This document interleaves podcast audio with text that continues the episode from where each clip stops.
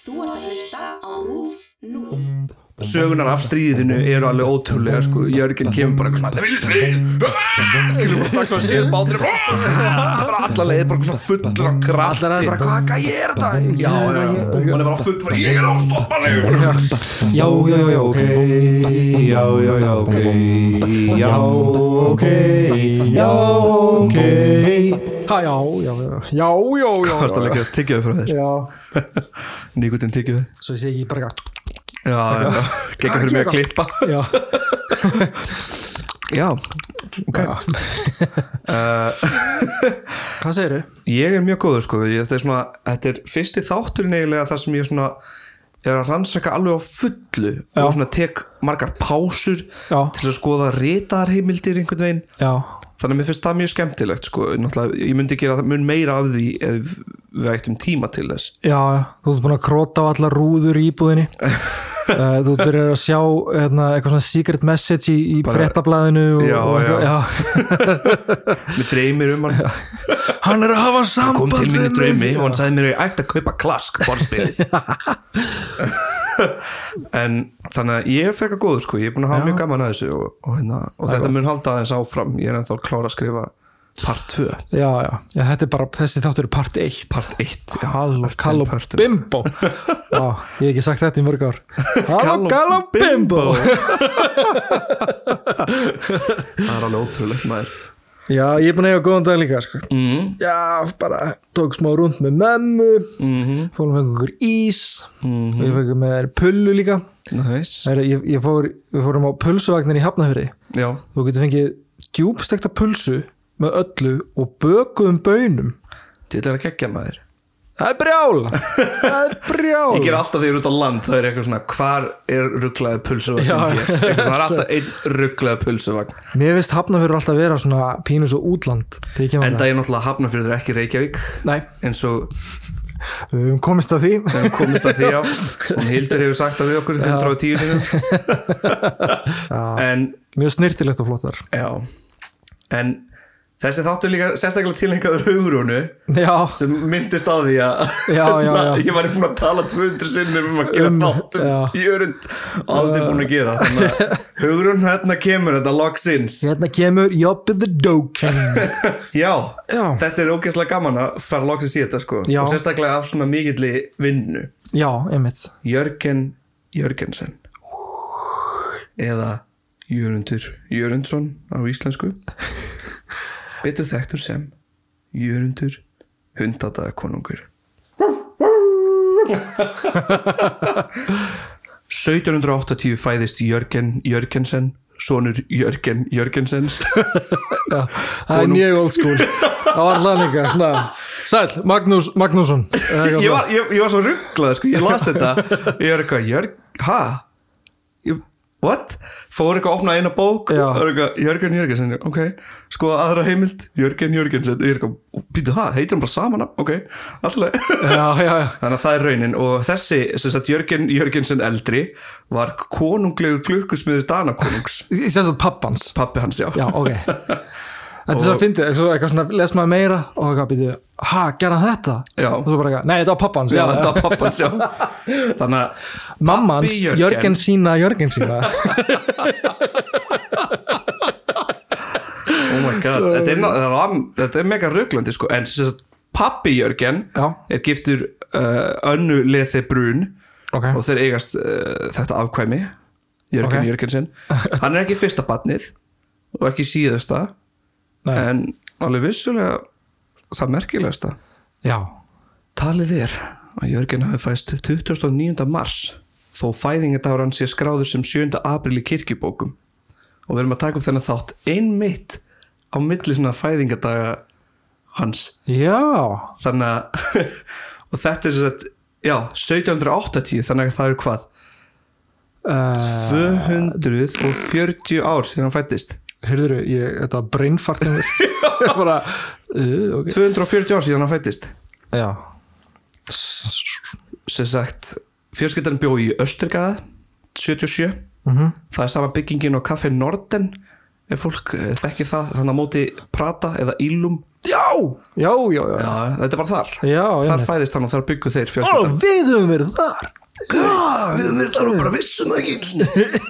Holy- holy smokes ég held að næsta þegar við erum köpur erum alltaf eitthvað svona enna, við erum að fara aftur hérna hvað hva, hva var aftur, Östugæða 77 já, við erum að Æja, taka það því sem Jörgen, Jörgensen að deyma Já, við viljum bara fá okkur bjór við verðum að kíkja hana aðeins á Jörgen en þetta hljómar eins og eitthvað svona andarbæjarnafn Eitthvað Jörgen svona, Já, en það heitir hann líka Jörundur á íslensku já, já, einmitt. ekki nafn sem ég fyrst marga heita Jörundur Nei, en örla, Hann er sennilega leikarinn einhverjur Jörundur. Já, Björn Jörundur Björn Jörundur, já Já, sem sagt uh, Jörundur eða Jörgen var ekki mikið fyrir að smíða klukkur nei, ólíkt pappa sínum já, hann var alltaf með svona stórar hugmyndir og sem við náttúrulega tölum um aðeins setna aha en uh, Jörundur taldi pappa sinn sem sagt vera svona hlýjan í lund en einni of dómharður á meðan mamma hans var svona degðakona og ljúfi lund en vegna veikinda hennar þá gat hún ekki passað mikið upp á Jörund Nú, hvað var að henni? hún bara veik kona hann skrifaði sem sagt þetta um fóröldra sína sko ekki í sjálfsægjusögu Nei, heldur í æfindýrapók sem hétt The Adventures of Tom Walter en það er talið að hann hafi bara skrifað svona næstuð í sjálfsægisaga sem falin í, dulbúins- já, já, já, falin í einhverju skáldsögu já, eitthvað, já, nákvæmlega Ég skil að mamma sem var eitthvað veik já þannig að hann gæti ekki passað jafn mikið uh, upp á hann þannig að Nei, hann var mest megnis passaður á fóstrum já, ok, Jörundur svona vex upp úr grasi en samt vex engin áhugi í klukkusmið hjá honum þátt fyrir að hann hafi verið ótrúlega klár já, hann bara svalt yfir sig hann svaf alltaf yfir sig Nei, en þetta var svona, þetta, hann er svona klassika dæmið mannesku sem er ótrúlega klár Aha. en nennir ekki að læra ok, ok, og uh, þú veist, hann var svona grallari já, og hann var svona stríðnispúki og lendsundum í vesir í skólanum skilurum já, og svo náttúrulega bara klárar hann námið þarna 14-15 ára já og hvað gera þá ungir 14-15 ára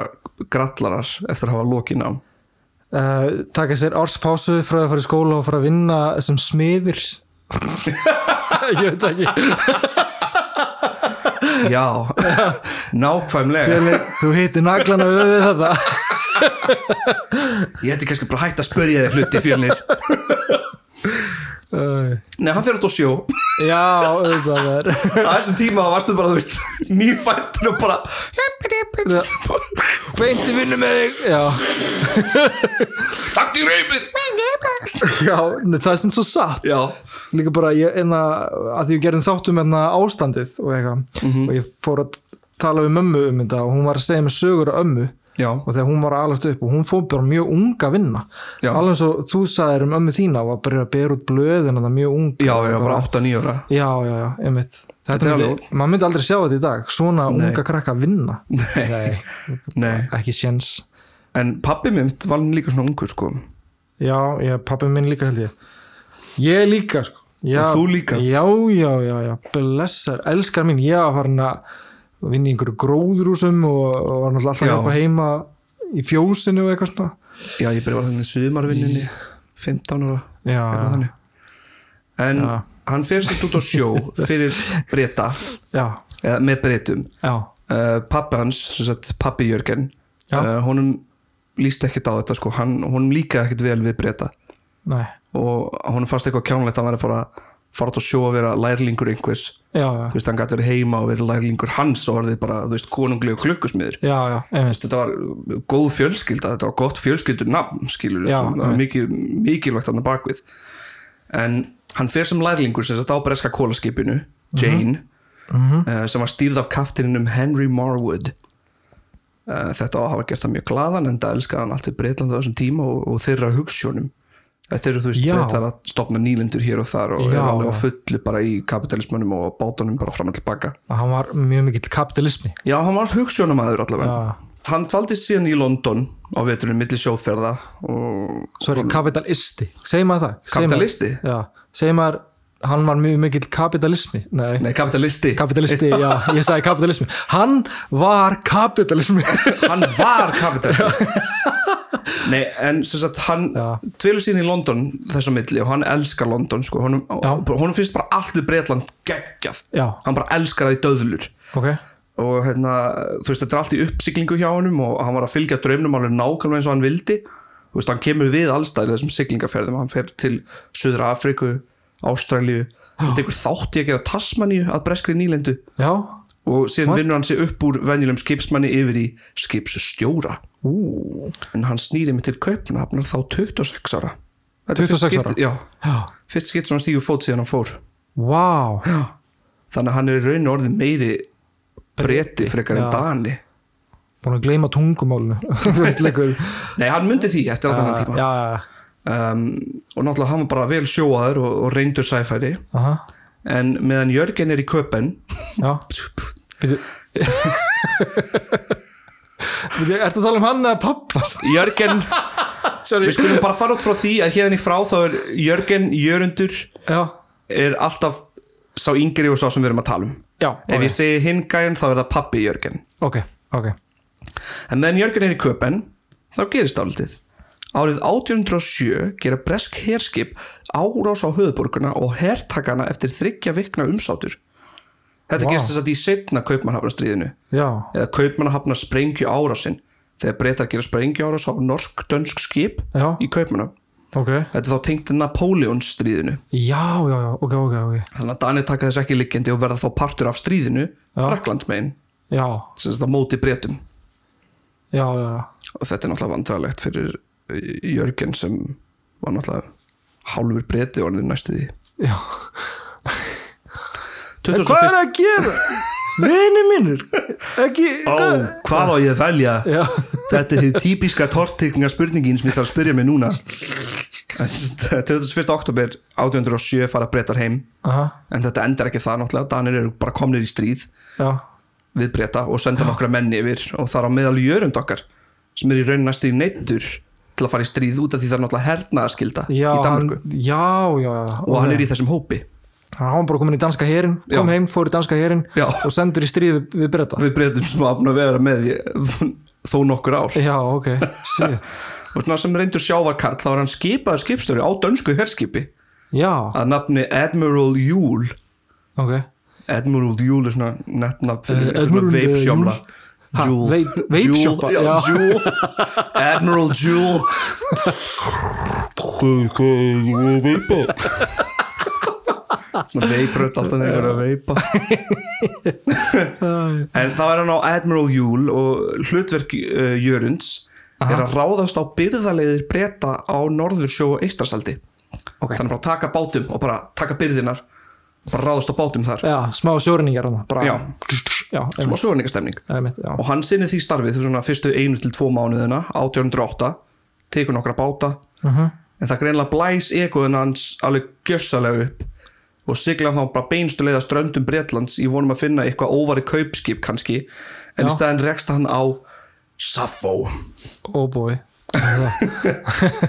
Sappho er náttúrulega bara hérskip Já, ok, já þannig að hann setti líf sitt og áhafnarinn er í svo mikill hættu og barðist af svo miklum hita Já. að það var talað ítalega um það í breskum blöðum daginn eftir Saffo er náttúrulega öflugt brest herskip þannig að þessi bardagi var í raunin eins og að horfa á Chihuahua hund berjast við hest Já, ok Admiral Yule er þá Chihuahua hundin Já, skilur. já, en sögunar af stríðinu eru alveg ótrúlega sko. Jörgen kemur bara eitthvað svona það viljið stríð Ah! skilur og strax var síðan bátur bara allar leið bara svona fullur af kraft Allar er bara, hvað hvað er þetta? já, já, já. já. hann er bara fullur bara ég er óstoppanlegur bara, Eitt svona heldur í ennið á hann svona frá sér eitthvað, hvað á ég að gera? þetta er næst í þannig þið voru bara mætið bara eitthvað svona völduð yfir þá Shit þetta er náttúrulega ótrúlega svona ímyndið þessu svona stórt báta stríð einhvern veginn Já, bara fallbissur og eitthvað, eða ekki? Já. Erum við ekki að tala um það? Já, bara rífa seglinu og eitthvað svona kjafta já einmitt Samt ekki þorskastrið Oh yeah oh yeah og þarna tapa breytinni sko.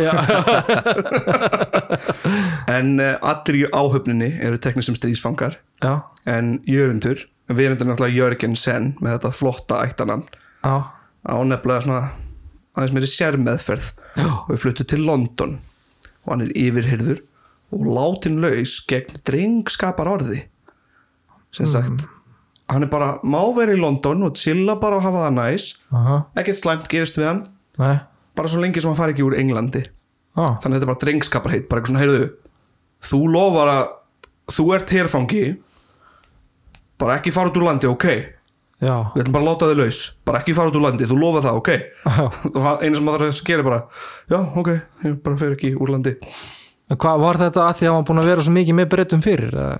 nei, þetta var raun út af því sko þetta var gert yfirleitt við fanga sem voru betur stattir að koma úr góðum fjölskyldum Já, já, já. ok, Þannig að það, það fólk fekk alltaf sér meðferð já, einmitt. Gætu grætt eitthvað á þeim. Já, Já. við skulum bara hleypaði minn í landið og bara, þið megi ekki fara úr landi. Já. Það er enn, já, ég skil. nákvæmlega, svona, aðeins svona Okay. Einmitt, meiri svona breyðari svona hugmynd um Já. hvernig reglunar eigi að virka þannig að kallin er að fíla það sko og hann er að lifa á fullt af lánum þegar hann er í London já, smálón. já í rauninni Skilur, þannig dæmi sko hann er alltaf að taka lán hér og þar en hann býr einmitt á The Spread Eagle Inn þegar hann er í London Ok, sem er svona ákveðið gisti heimili og bar og hann fílaði það alveg í bótt sko já, og því miður er ekki hægt að heimsækja þann stað í London núna og það hann var rifið niður ok. eh, 1865 Er þetta eitthvað svona speakeasy? Nei, þetta var bara meira svona hostel kannski. stemning, skilur Já, ok, svona, Þetta er mjög flott, sko, ég skal skýta hún nokkar myndir á eftir ok. Jörgen er sko mjög svona mannglöggur hann er mjög klár maður Mm og það líka svona flestum vel við hann og þú veist, allir sem tala við hann eru líka bara svona "Ah, þetta er geggjaðu gaur Já, skilur þannig að mm, hann kynnist þá tveim kaupmunum í London aha. frá Íslandi Aha, og þar, fyrir hérna landið. já þetta er byrjunin á byrjuninni í já, rauninni, já, já. þetta er sérst kaupmaðurinn Bjarni Sivertsen Sivertsen Já, og Vesti Petreus ok, og þeir eru ekki þar af ein vilja heldur voru þau og skipið þeirra tekin af bretum vegna þáttöku Dana í Napólinustriðinu. já, já. Íslendingar eru náttúrulega séð, tæknilega séð Danir á þessum tíma Aha, þannig að einmitt. þeir náttúrulega bara te- skip þeirra líka tekin og út af þessu þá voru engin skip búin að fara til Íslands frá stríðsbyrjun með Nei, þú veist fleiri vörur Já, uh, en af hverju voru þeir ekki fangilsi til dæmis uh, það vil svo skemmtilegt til að Sir Joseph Banks sem var svona breskur grasafræðingur sem heimsótti Ísland ungur já, og þótti þá einstaklega vænt um okkur hafði fengið hjálpabeðinni frá þessum mönnum aha.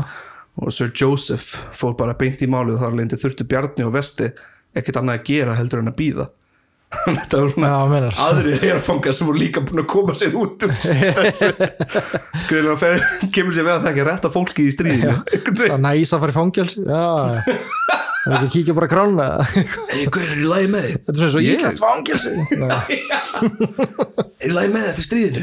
Ég? já, já, Já, bara til að geggjað. krarla í London maður og Ég er gestaðan. bara til að gera þetta aftur Já, Svona eins árs frí bara frá öllu já, já Æ, ég er í stríði, ég kemst ekki heim, sorry Leðilegt En Jörgundi var sérst reyndur í nýlenduvestun eftir öll þessi ár út á sjó sérstaklega hillaður að því að fara til Íslands í verslunaferð Já, en það var bara eitt vandamál en það var ekki H&M það var ekkert vand Það var ekki H&M á Íslandi þá og þess vegna gat hann ekki farið til Íslands Æ, sorry Nei, ekki, það var eitt vandamál Já og það var hún einokunar verslunin Ah, krakkar sem spyrja hvað einokunarverslunin er einokunarverslunin var þegar Danir bönnuð Íslendinga stundar viðskipti við aðra en Dani þetta hafði þær afleðingar að þeir seldu Íslandi hluti dýrt og keifti það ódýrt já, margir af dörnum sem voru að stunda þessi viðskipti byggðu líka lagera til að geima hlutina aha og læstu síðan þessa lagera þegar þeir voru ekki á landinu Já, einmitt þannig að það var enginn að reyna að taka neitt af þessum lagerum þetta var bara Nei. byggði lagerar og enginn tók út úr þeim fyrir en þau koma aftur að bát Já,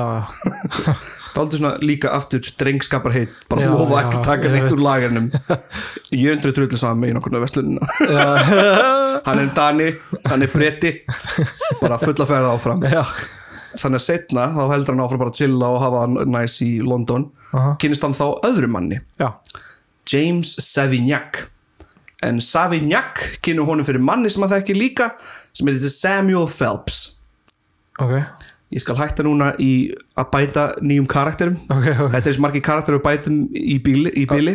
Já, En Samuel Phelps, sem sagt, endakallinn er Enda- sápukaupmaður og þann kaupmann vandaði tólk í sína sápur.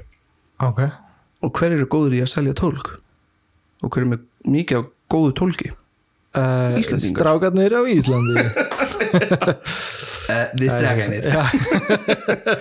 Þannig að James Savignac, sem Jörður er nýbúin að kynnast, Aha fara og tala við Samuel Phelps og kynna honum fyrir hinnu fyrir heitna landi Ísland yes. þar sem er til nóg af tólki til að kaupa ódýst og þar að auki gæti þið fengið Sir Banks til þess að útvega þeim öllum leifum sem þið þurftu Þetta er tólka paradís Ég er að segja ykkur það Ég þekki þennan grasafræðing, Sir Banks Hann getur bara að redda okkur hennar skilningi sem við þurfum skilur. Við förum bara Við, gaur, við kaupum tólkið fyrir það skilur Sir Banks gefur okkur bara allt sem við þurfum Ah, Sir Banks Fyndi What a hvað guy. Sir Banks er eitthvað svona vænt um Ísland til þess að hjálpa þeim líka einhvern Já, veginn. já. Þannig að þú veist, hann hittir þess að tvo Ísling á bar Þeir segja, hey, við þekkjum þennan Þannig að hann notar það Þetta er svona Keðja fullt af af svona- einhverju já, svona, ka- já. keðja bara af kinnum En þau segist geta komið með 150 tonn af tólki tilbaka sem myndir náttúrulega skila af sér miklum gróða fyrir þá alla Mhm.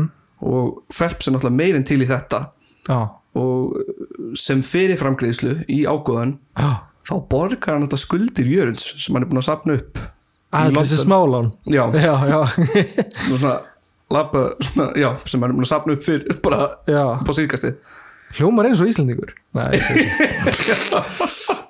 um, þeir leggja af stað ok 29. desember 1808 á skipinu Clarence Já þá leggja þeir af stað til Íslands Flott nöfn á þessum skipum öllum. já, Clarence, Clarence Corrit Júl Jú, já Admiral Júl en á- í þessum báti þá er hérna, James Savignac Já. að stýra bátnum Já, og tólkur þess að Ok. okay. tala dönsku við Já. fólkinu sem býr þar já tólkurinn er Jörgen Jörgensen Yes uh, og hann er að fara til Íslands þetta er maðurinn sem lofaði Breitlandi að fara ekki út úr landi Já, já, já Jörgina, hún er drullu saman allt sko þetta er bara fáraðlegt Gekkjaði karakter sko 12. januar þá uh, 1809 Aha. Hafnafjörður Ísland Nei, já, ein pulsa með öllu Ein og pulsa. baka bönur já Já takk þannig að Jörgundur fekk sér það og fór síðan bara aftur heim nei Nei. um, Clarence skipið er mætt til Íslands Já. og Savignac stígur til lands og hann er tilbúin að selja sko en þá kemur Ísleifur Einarsson Assessor, Ok, það er svona flott nafn Já. Assessor, ég fekk jæsum sko en hann sem sagt var þá í staðin fyrir Fredrik Trampe sem var danski sti- stiftamæðurinn Aha, aha, á Íslandi og var að sjá með svona viðskipti en hann var ekki við Ok. þannig að Ísleifur tók við öll þau mál að finna var sko er að Ísleifur var svona hann fór mjög mikið eftir reglum sko þrátt fyrir að hann væri Íslendingur þá var hann alveg sama við einhver annar reyndi að selja vöruna sína eitthvað annar land já þá bara leiði hann það ekki þrátt Já. fyrir að Fredrik Trampe var ekki einu svona á landinu eða nálægt því að vera á Íslandi Og hann hefði aldrei komist að því að neitt þannig nei, Já, vá, mjög stekt sko þetta er um vetur heiðalegt þannig að þú veist, það er engin séns að báta sig á leiðin sko, því að yfirleitt eru Já, já, já. þessi bátar að koma á sömrin eða á vorin það var ekki til svört viðskipt þarna nei, þetta bara Íslöfu var bara ekki séns Já, já, þú kemur skjölin eða ég fokka þær upp shit, ok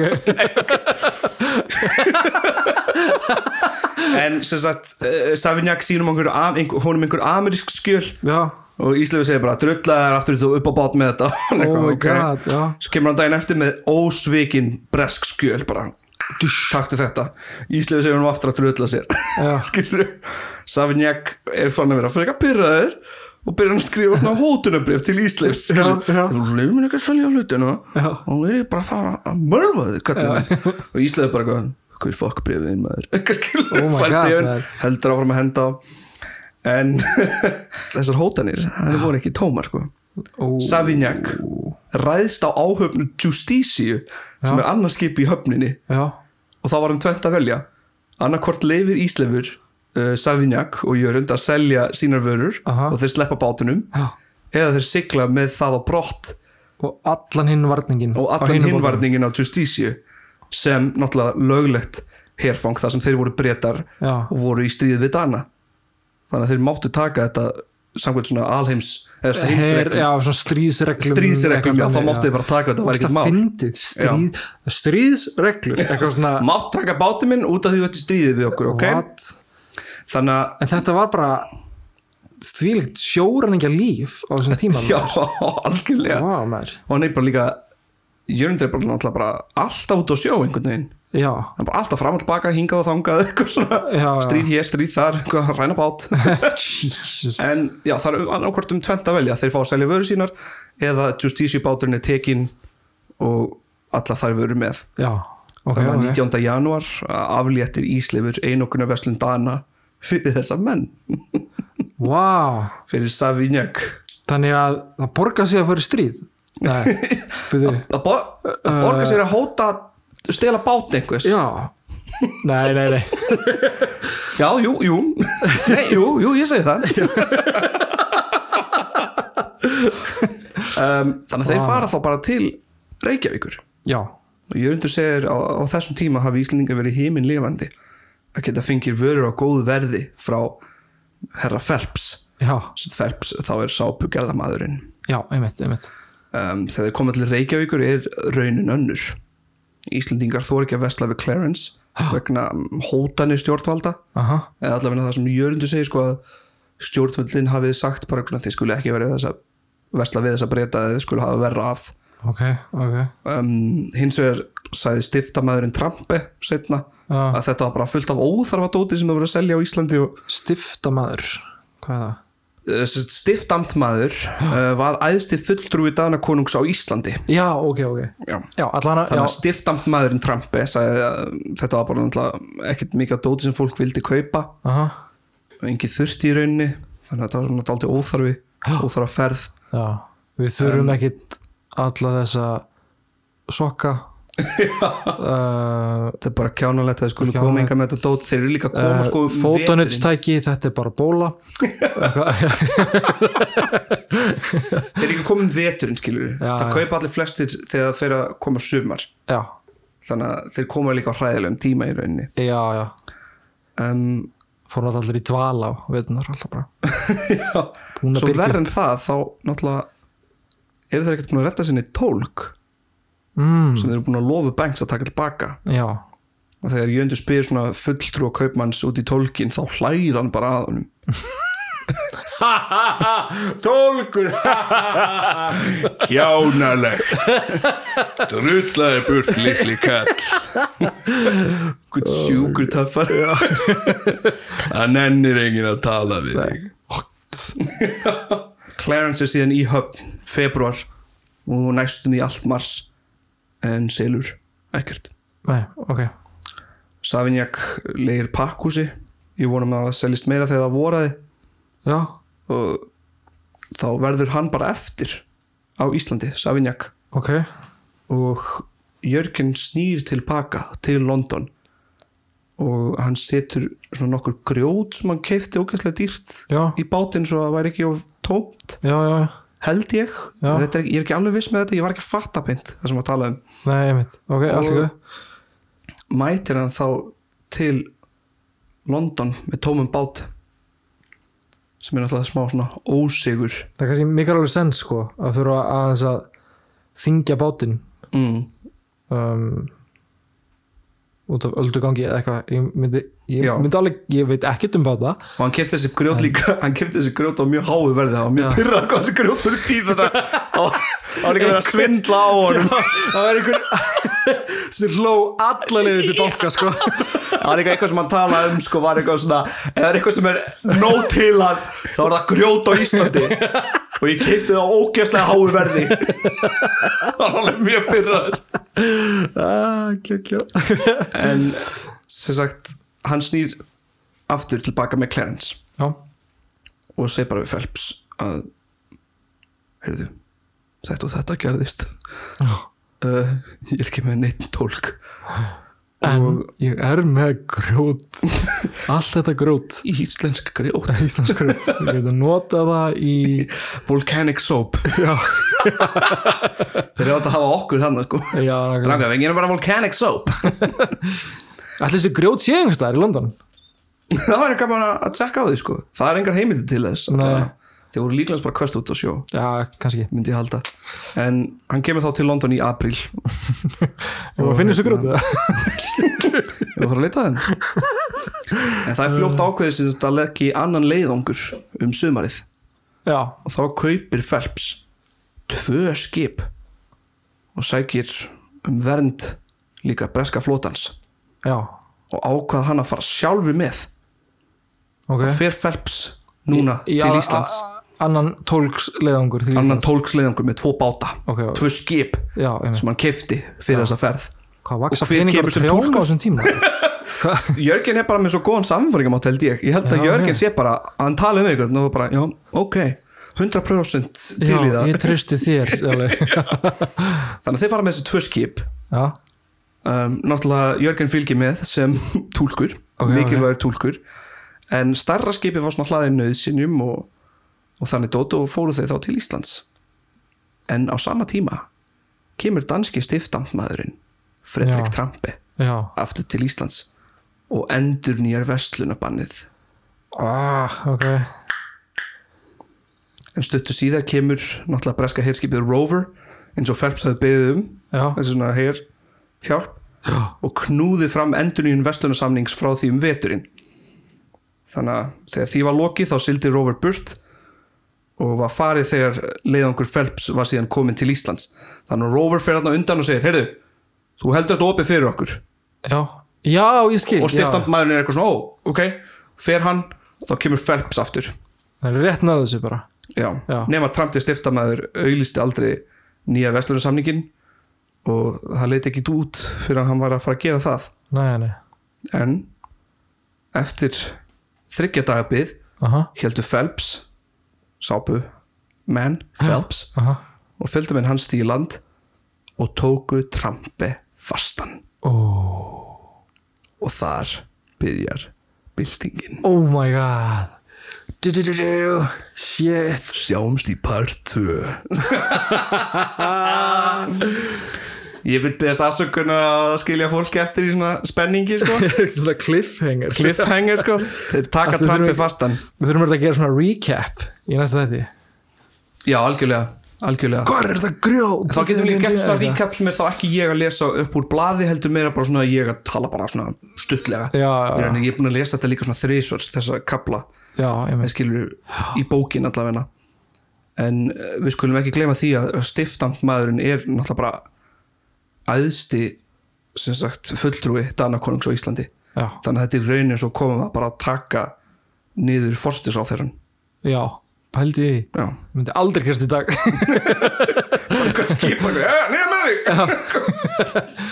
og það náttúrulega þegar þau gera það þá er náttúrulega bara völd rænd af landinu Vá, mér og þetta fyrir þá bara allt í stjórnleysi einhvern veginn Já, og þá byrjar náttúrulega þessu ringulreið sem var ævintýri hérna ég kenni kapitalism um þetta sko Þetta er Allt kapitalism að ætli gera það sé ekki taldið þannig en já, þessi stjórnleysi náttúrulega byrjar þarna og uh, það er náttúrulega ástæða okkur hann heitir Jörndur hundadagakonungur Já, Og það er- allar að tala um okkur hvaðan þessir, eh, þessi hundur kemur ég ætla að tala um hvaðan þessi hundur kemur já, innan Innan svega, gæsalappa, innan já. gæsalappa af hverju hann er hundadagakonungur það er ekki Já. út af ástæðun sem ég held Nei, það var skemmtilega ástæða samt allir maður maður ekki að halda að þetta sé að því að hann var svo mikil dög sem ekki dag Já, hann var svo mikil dög sko. Jürgen, you're such a dog svona tólk svo dæmi Hundadagar Já, Þetta er auðvitað eitthvað saying sko Mhm. sem ég kann ekki og veit ekki en það er tengt sumrunu Það er tengt sumrun Ok Ok og ég vona að þið hafa haft gaman að þessu Já, ég veit ekki um hann að gæja Ég er að fræðast mjög mikið sko Já, er það ekki? Jú. Skilur, skilur hvert við erum að fara með hvert ég er að fara með alla þessa mannesku sem hann kynnist og svona já, já, hvernig hann er að tala já, með, já. ok, gott en það er líka, þú veist, þú veist ég veit ekki, það er kannski hægt að hlusta á þáttin áttur en það komið bara svona mikla þjálfun í gegnum alla þess að þætti sem við höfum gert að bara stundum eru bara fullt af ártölum Já. sem maður, maður veit að ártölur eru leiðileg að lesa Já, já. upp en stundum er það bara mikilvægt, maður þarf að vita tíman Já, til þess að ná utan um svona tímalínunni já, einhvern já, veginn. og eins með nöfnin sko, maður, mm. veist, að, maður verður að, veist, að þetta kannski tengjast svo miklu meira eins og núna í næsta þætti þú veist, þá á að vera eftir eitthvað svona realization já. meira Og það er náttúrulega ástæða hverju, já, náttúrulega þessir allir þessi menn eru náttúrulega bara tengdir byrjunin á þessu, að þessari byltingu já, frá já, Jörund einmitt, það er ekki hægt að sleppa einum einhvern veginn Nei, nákvæmlega, ég bara fatt að þegar ég byrjaði að tala um byltingun á Íslandi hjá Jörundi þá bara þurfti ég að tala um Jörundi yfir höfuð Já. og þannig er bara svo rugglaðu karakter en í næsta þátt munum við tala um hann á Íslandi já, hann á báti já, og hann í Tasmaníu og fánan hans og Það ekki. fánan hans yes. Yes. uppáhaldsfánin minn það var eiginlega svona fyrsti íslenski fánin já. fyrsti íslenski fánin já. sem fólk Eh. hefur náttúrulega heilt minnst á svona stuttlega já, í þann þátt. það er hérna, já, í fána þettinum já, nákvæmlega Þetta er pínu eins og hérna þegar maður var að lesa lagstælu í skóla eða eitthvað svona, það var alltaf endalist mikið að nöfnum og maður var alltaf bara eitthvað, ég þarf að búa til svona tré, svona já. ættatré. Helstu nöfnin eru náttúrulega bara James Savignac sem hann kynnist þarna Phelps um, nei Banks Sir Banks, Phelps og já, Banks, já, svona alltaf bara Jörgen sjálfur. já og þetta er svona aðalminn að hinga til en Nákvæmlega. Ég er spenntur, ég ég er mjög líka, spenntur. sko við sjást í næsta takti Já. næsta þætti Bye! ok bye Já, já, já, ok Já, já, já, ok Já, ok Já, ok